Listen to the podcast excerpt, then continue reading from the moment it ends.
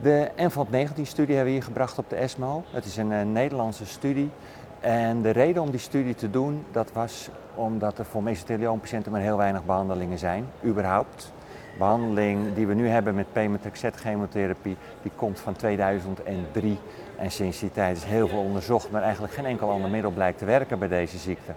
We hadden in Nederland het idee om gemcitabine, wat toch redelijk actief is, uh, of actief lijkt bij deze uh, ziekte, om dat in te zetten in de onderhoudsfase na de behandeling met chemotherapie met pemetrexed. De studie is uitgevoerd in 18 ziekenhuizen in Nederland.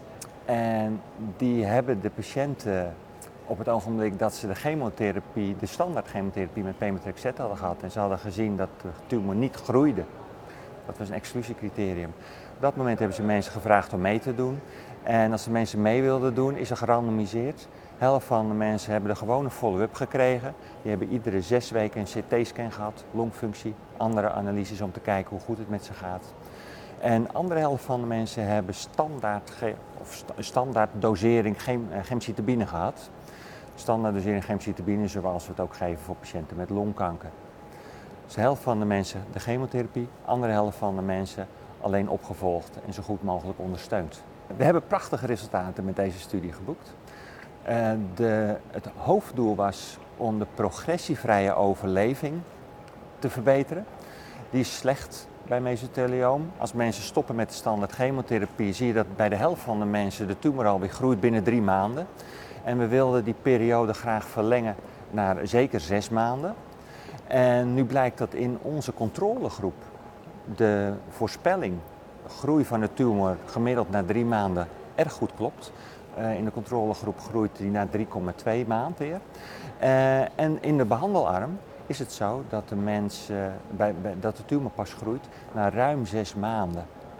Dus we hebben ons doel bereikt op de mediane progressievrije overleving.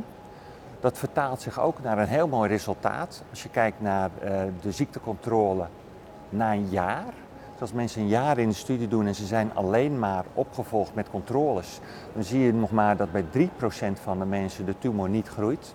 En dat is bij 21% van de patiënten zo als ze gemcitabine krijgen.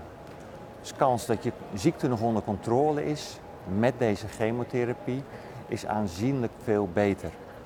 Het mooiste getal wat we daarbij hebben is de hazard ratio. En de hazard ratio voor de kennis is 0,44.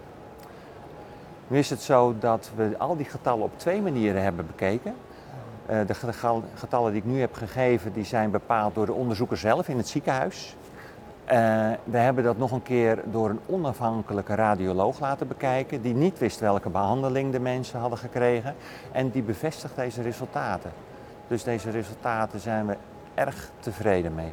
Nu is het zo dat meteen de volgende vraag daarna is, ja en leven mensen dan ook langer? En dat weten we nog niet. Die analyse die kunnen we nog niet draaien, dat kunnen we pas over een paar maanden doen. Dus begin 2020 hopen we die analyse te hebben. De impact op de klinische praktijk is volgens mij, maar ik ben een beetje gebiased, ik ben erg enthousiast met deze, deze resultaten. Die is best aanzienlijk. Uh, het is voor het eerst sinds 2003, dus na 16 jaar na, de na vaststellen van de eerste behandeling, dat we een positieve studie hebben. Um, waarbij mensen baat hebben nu is het alleen op dit moment nog vastgesteld dat mensen de baat bij hebben wat betreft de progressievrije overleving. Dus de vraag is of daar de moeite voor waard is. Zeg, in tegenstelling tot heel veel andere nieuwe behandelingen, immuuntherapie, uh, TKI's, uh, misschien gaat immuuntherapie helpen bij, bij mesothelioom, dat horen we morgen op dit congres. Uh, maar in tegenstelling tot al die behandelingen die heel erg duur zijn en tonnen kosten, is dit een behandeling waarbij je met een paar honderd euro klaar bent per kuur. En mensen hebben gemiddeld vijf kuren gehad, dus reken je maar rijk. Dus voor een beperkte financiële inspanning, met beperkte toxiciteit, hebben mensen een beperkte weliswaar, maar eindelijk een keer winst. Dus ik ben erg enthousiast.